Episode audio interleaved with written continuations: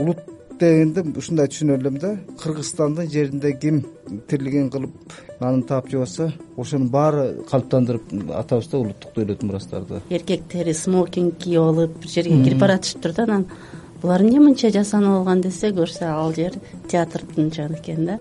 Токто мен түшүнбөй калдым. Ошондо күйөөсүнөн токмок жеп жүргөн аялдар эмне алар кыйналганды жакшы көргөндөр деп мүнөздөп коебузбу кандай болуп калат анда? Мен мына олжобой байке мен чогуу иштешип турганда турмушка чыктым да анан бирок мен кээде аябай өкүнүп жүрдүм да. Турмушка чыкканыңабы балдарды кыздарды кенедейин элчи ата эне дагы мектеп дагы төшөк маданиятын үйрөтпөй атпайбы? Бүгүн биз деле өзгөрүүлөр жөнүндө сүйлөшөбүз. Бул адам ичип жейт э андан кийин эле секс да.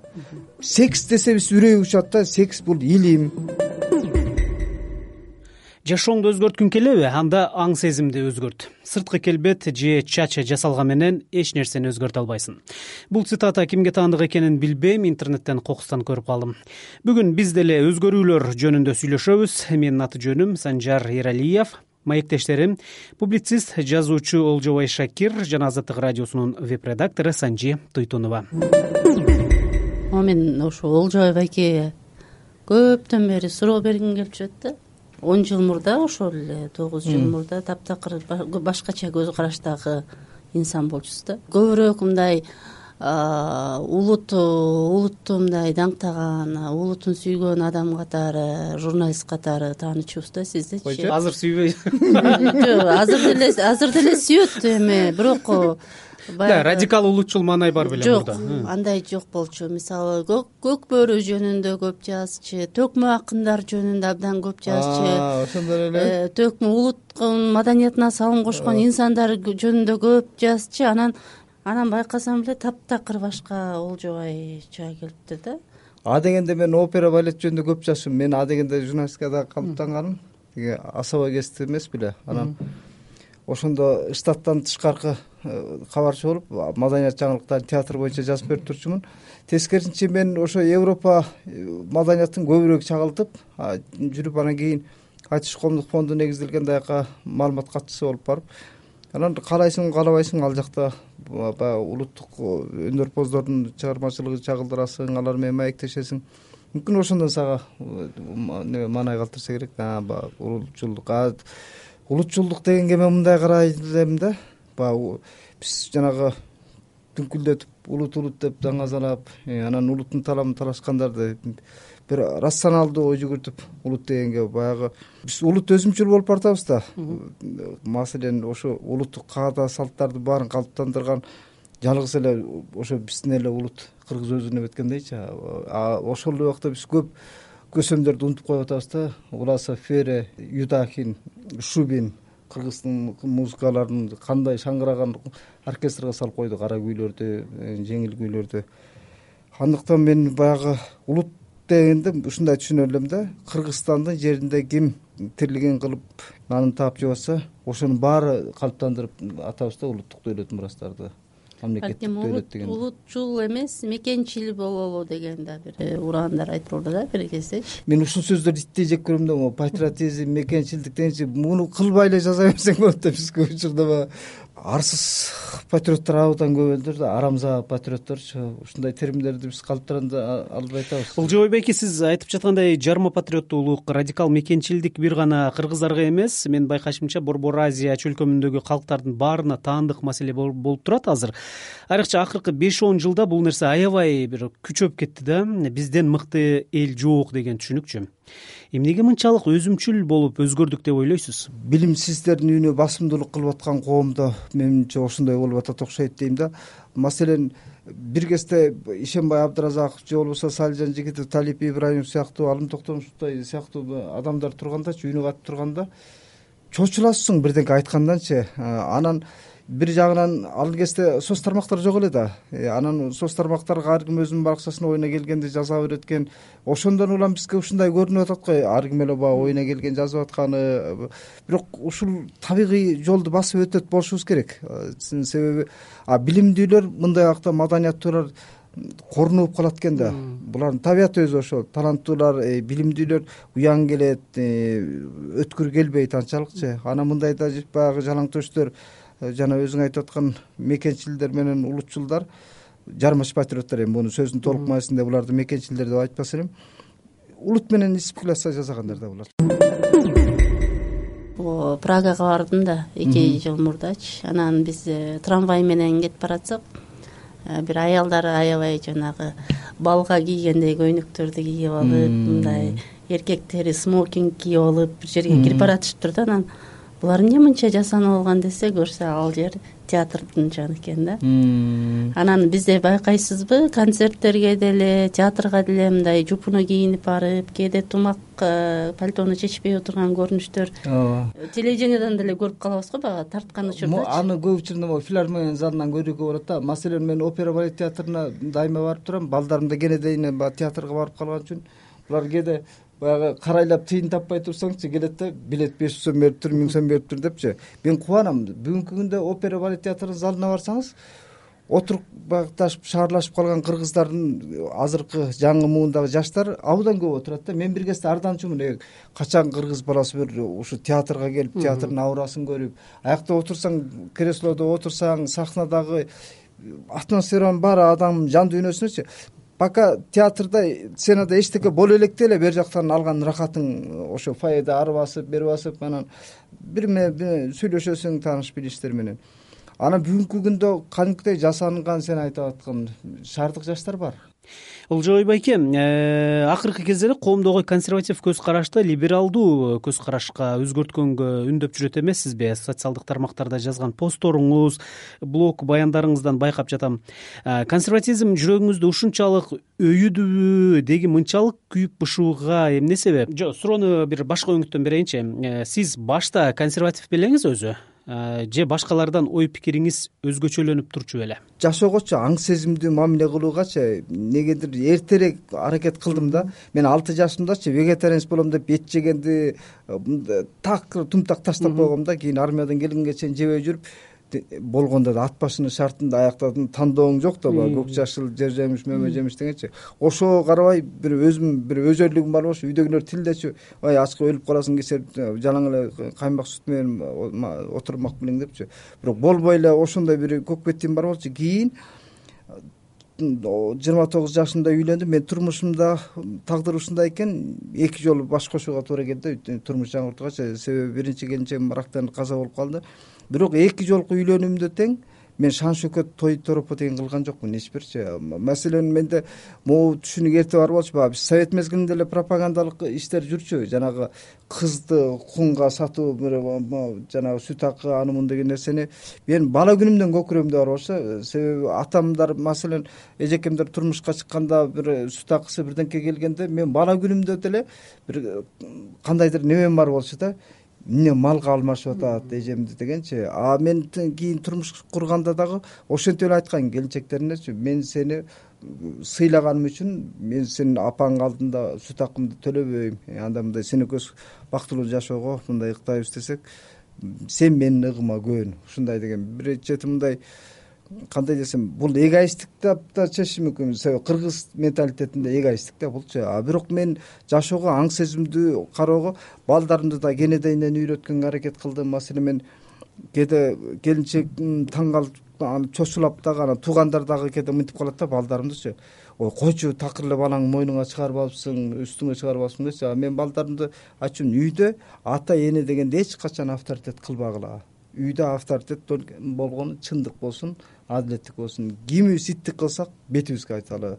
Эгер ата мындай анан ошол балдардын мамилеси да катаал болуп калат экен да кийин алар эс тарта баштаганда бирдеңке сурайт ата сиз мынтип айтпадыңыз беле дейт да анан ошол өзүңө өзүң баягы жолуңду кыркып коет экенсиң да артка кетпей турганчы. Анан ошон үчүн үйдө бир ансамбль болуп калат экен өзүнө өзүчү эми мындай да ата эне балага сиз айткандай мамиле жасаса авторитар мүнөздүү мамиле кылбаса анан э, перзенттердин алдында сый урматы деле жок болуп калат деген бир чоочулоо бар эмес беле бала өзүнөн өзү эле сыйлат ата энең түз жолдо жүрсө э, тек гана биз баягы ата энелик өктөмдүккө салып ата эненин эгоисттик мындай каалоосу менен эле бүтүн чыгарып чечип койгонго болбойт да жок балам андай болбойт мындай болбойт депчи бала кенедейинен болсо да ал личносттук э, касиет ойгонуш керек да көкүрөгүнөчү мен мына олжобой байке мен чогуу иштешип турганда турмушка чыктым да анан балким э, бул менин э, жашоомдогу эң чоң бир этаптан бир этапка өтүү мезгили болду. Бирок мен кээде аябай өкүнүп жүрдүм да. Турмуш ачканыңабы абдан өкүнүп жүрдүм. мындай кыз келиндер көп да бизде. Анан баягы эми ал мүмкүн эмес фантастика кинолор деле болбосо. Убакытты артка бурганга мүмкүнчүлүк болсо ошону сал эле өзгөртүп койсом балким башкача болот беле деп мындай миллион жолу сценарийлерди ойлонуп анан түшүнөт экенсиң да. Бул убакытты артка бура албайсың өткөнгө кайрылба келечекке кабатыр болбо. Бүгүнкү менен жаша депчи балким эртең болбой деле калышы мүмкүн мисалы сен э, азыр айтып атпайсыңбы өткөндү өзгөртмөкмүн депчи. Мисалы эмнени өзгөртмөксүң ошо? Аялдардын билими жогорулаган жерде сөзсүз прогресс башталат экен да. Сиз деле билесиз да эми тарыхтан деле энеден өткөн тарбиясы жок да. Зөөкүргө тагдырын байлап койгондор да бар да. Анан кийин бармак тиштеп өкүнөт эмнеге ушуга турмушка чыктым анан өмүр бою акыш көзүнө көк ала салса деле ошо балдар үчүн үй бүлө үчүн деп жашап жүрө берген бир кыз келиндерге түшүнбөйм да. Эмнеге өзүнүн тагдырын өзү ошентип кыйратып атат депчи анан адамдык жашоодой да жашаш керек да. Андан көрө ошол күнүгө кечинде келип чырт чатак салган эриңден бир коркуп үркүп отурганчачы ой бактылуу жашоо кур да могу жашоо көз ирмемде өтүп кетет да. Андан көрө бирөөдөн жакшы көргөн адамыңдан төрөп аласыңбы бирөөгө токол кылып барганча ансыз деле төрөп ал ансыз деле балаңа сапаттуу билим да сен өзүңдүн тагдырың эмес балаңдын тагдырын талкалап атасың да. Себеби бала канчалык психологиялык соккуга кабылат э ошо күнүгө атасын күтүп урусо ур топоктон мен бирок биздин коомдо муну бооздангандан коркобуз көбүбүзчү мен жакында эле эрик фром деген ооба эрик фромдуку мыкты да э, чыгармасын окуп калдым. Окудуң искусство любви дегенчи искусство любви сүйүүнүн искусствосу деп которсок болот анан ошол жерде айтып атат да жана олжобой байке айтып кеткен маселеничи эмнеге таяк жеп жашай беришет депчи? Анан ал киши жазып атат э, мындай адамдын э, баягы аң сезими биз үчүн. Татаал бул деле космос да адам деле өзүнчө бир микрокосмос да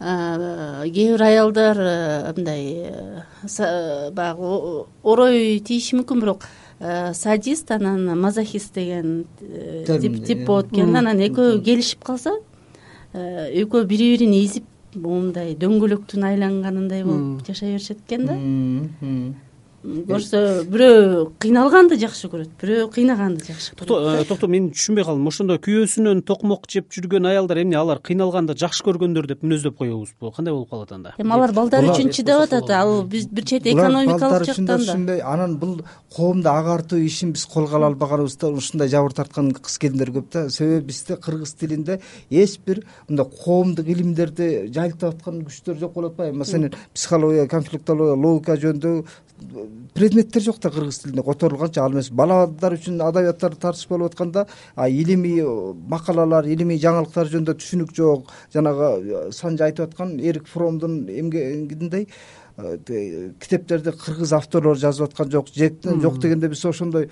коомдук илимдерди кыргыз тилинде жайылта албай аткан үчүн биз бул өң көрүнөт да кокуй бүгүн азыр санжар менен санжы отуруп алып олжобай үчөө эмнени сүйлөп атат депчи. Бул кадырлесе эле нерсе бирок кээси бирдеңке болсо эле мынтип чыгат да батыштын идеологиясын жайылтып атат депчи. Жайылтып эмес бул биз тек гана адам дүйнөсүн адам табиятын таанып алган үчүн эле бирдеңке болсо эле үрөйүбүз уча берет да. Бирок кыздарга укукту укукту кичинесинен үйрөтүш керек экен. Мисалы кыздарга айтыш керек экен сени эч ким чапканга акысы жок. Сен алган эркектин урганга тийгенге акысы жок. Ал сени сыйлаш керек. Анткени э, экөөңдүн укугуң бирдей деп э, кичине э, пайдасы тийди да баягы алган билимдичи. Мен деле чыдап жашадым. Бирок анан баягы жатып алып ойлоно баштадым да. Китеп окуйм баягы. Телевизор көрөм балам менен отурганда анан. Анализ жүргүзүп көрсөм мен антип э, өмүр бою антип жашай алмак эмесмикинмин да. Балдарды кыздарды кенедейиненчи ата эне дагы мектеп дагы төшөк маданиятын үйрөтпөй атпайбы. Маселен биз тамак ичүүнүн эрежесин үйрөтөбүз кийим кийгендин этикетин үйрөтөбүз. Ошол сыяктуу эле бул өтө муктаждыкта керектүү учурунда бере тургачы. Мына ошол көчөт кезинен төшөк маданияты жөнүндө түшүнүгү билими жок үчүн азыркы күндө көчөдө багыш баласын таштап кетип калаткан кыз келиндер каяктан чыгып атат. Анан жанагы жугуш дооруларды кабыл калып атат. Аны бул адам ичип жейт э андан кийин эле секс да. Секс десебиз үрөйү учат да секс бул илим. Адамдын жүрүм турумунда сен секс э, секс катышы жок жашай албайсың да бул жашоодочу. Андыктан буну үйрөтүү ата эненин да милдети мугалимдердин да милдети дегенди биз таштап койдук ошол эле учурда э, улуттук баалуулуктардан да кечип кете албайт эмеспизби мисалы э, ошол эле тарбия темасын ала турган болсок үйдө атанын орду сүрүү эненикине караганда жогору коюлат эмеспи э? Көпчүлүк үй бүлөлөрдө ушундай. Ата үйдүн тирөөчү болуш керек деген түшүнүк либерал коомдо деле бар да. Жок бул түшүнүк деле мейли калса кала берсин тек гана ошол аталарчы баягы кызмат абалынан кыянаттык менен пайдаланып дегендейчи мындай эркектик тиги авторитетинен кыянаттык менен пайдаланбаш керек да. Ата десең демек сен тирөөчүсүң үйдүнчү э мындай чоң ишеними сенсиң үйдүн табарманы сенсиң багарманы сенсиң э?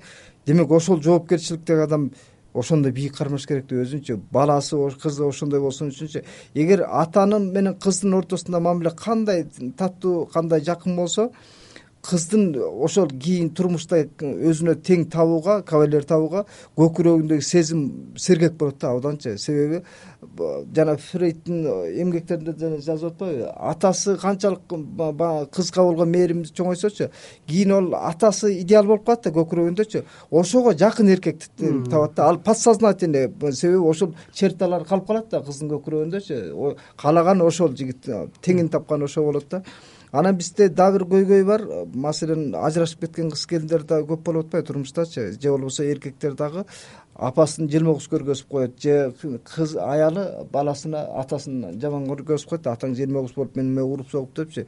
Бирок ошо менен дагы ал экинчи да чоң катаны кетирет да себеби баланын көкүрөгүндө ошол нерсе калып калат да установкачы эркек жаман деген жек көрүү сезим менен чоңоет алчы. Ошол эле эркектерде деле а аял жылан экен желмогуз экен дегенчи биз ошондуктан баланын көзүнчө чоңдор эмнени айтыш керек эмнени айтпаш керек дагы сактанышыбыз керек да. Акмакты акылман дайыма түшүнөт дейт да. Бирок акмак акылманды эч качан түшүнбөйт дейт. Себеби акмак акылман болуп көргөн эмес. Акылман акмак болуп көргөн да.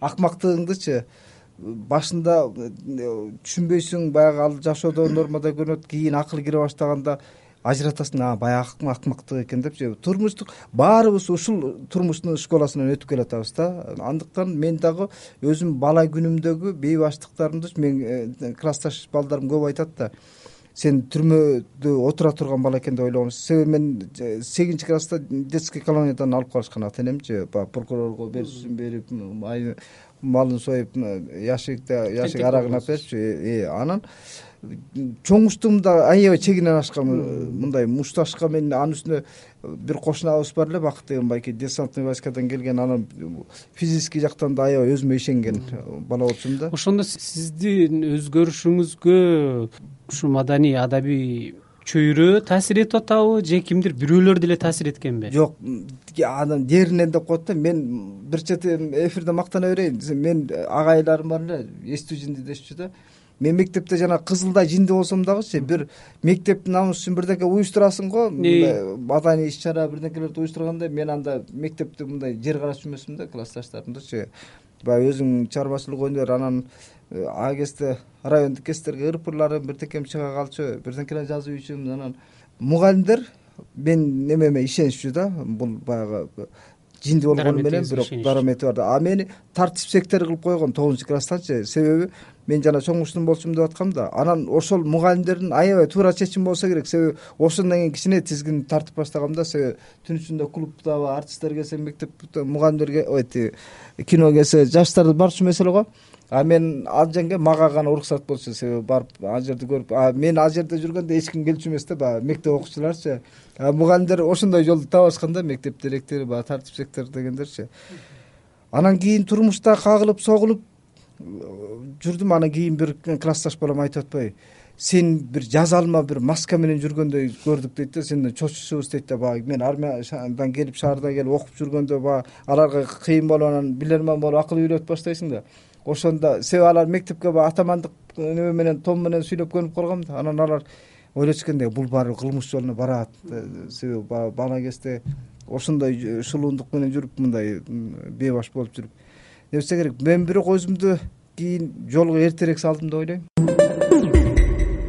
Дүйнөнү өзгөртүп эмне кыласың? Өзүң өзгөртө албай өзгөрө албай атсаңчы анан жашоо жүрүм турумуңда мен ушуну койгом да маселен мен көзүм көргөн нерсе көзүм күйүп турат барып айтам ал көңүл ооруп калбагандайчы кошуна колоңдорума деле бир жакшы нерсени көрүп калсам моуну келип көрчү деп муну салыштырмалуучу мен өзүм жакшы райондо жашайм да. Себеби үйгө келгендерге айтам эй мына ушинтип эле жашасак болот экен да депчи. Себеби биз асфальт жолдо жана алматы көчөсүнөн асеке айдына чейинчи ар бир үй бүлө миң доллардан взнос чыгарып эле жанагы асфальт жолубузду куруп алдык суубузду чыгарып алдык светибизди тартып алдык. Сапаттуу жашоо деген ошо да.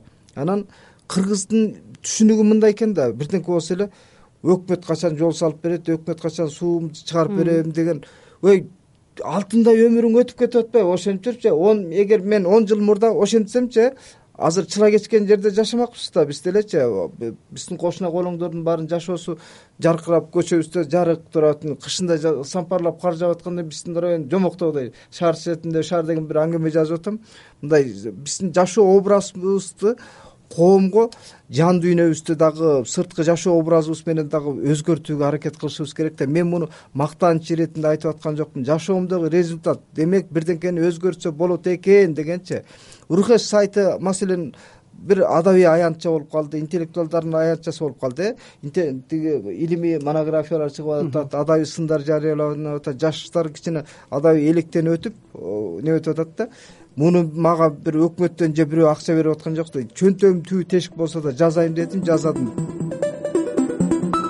биз бүгүн аң сезимди өзгөртүү темасында сүйлөштүк. Аты жөнүм санжар эралиев мен менен чогуу публицист жазуучу олжобай шакир жана азаттык радиосунун веб редактору санжи туйтунова пикирлерин ортого салышты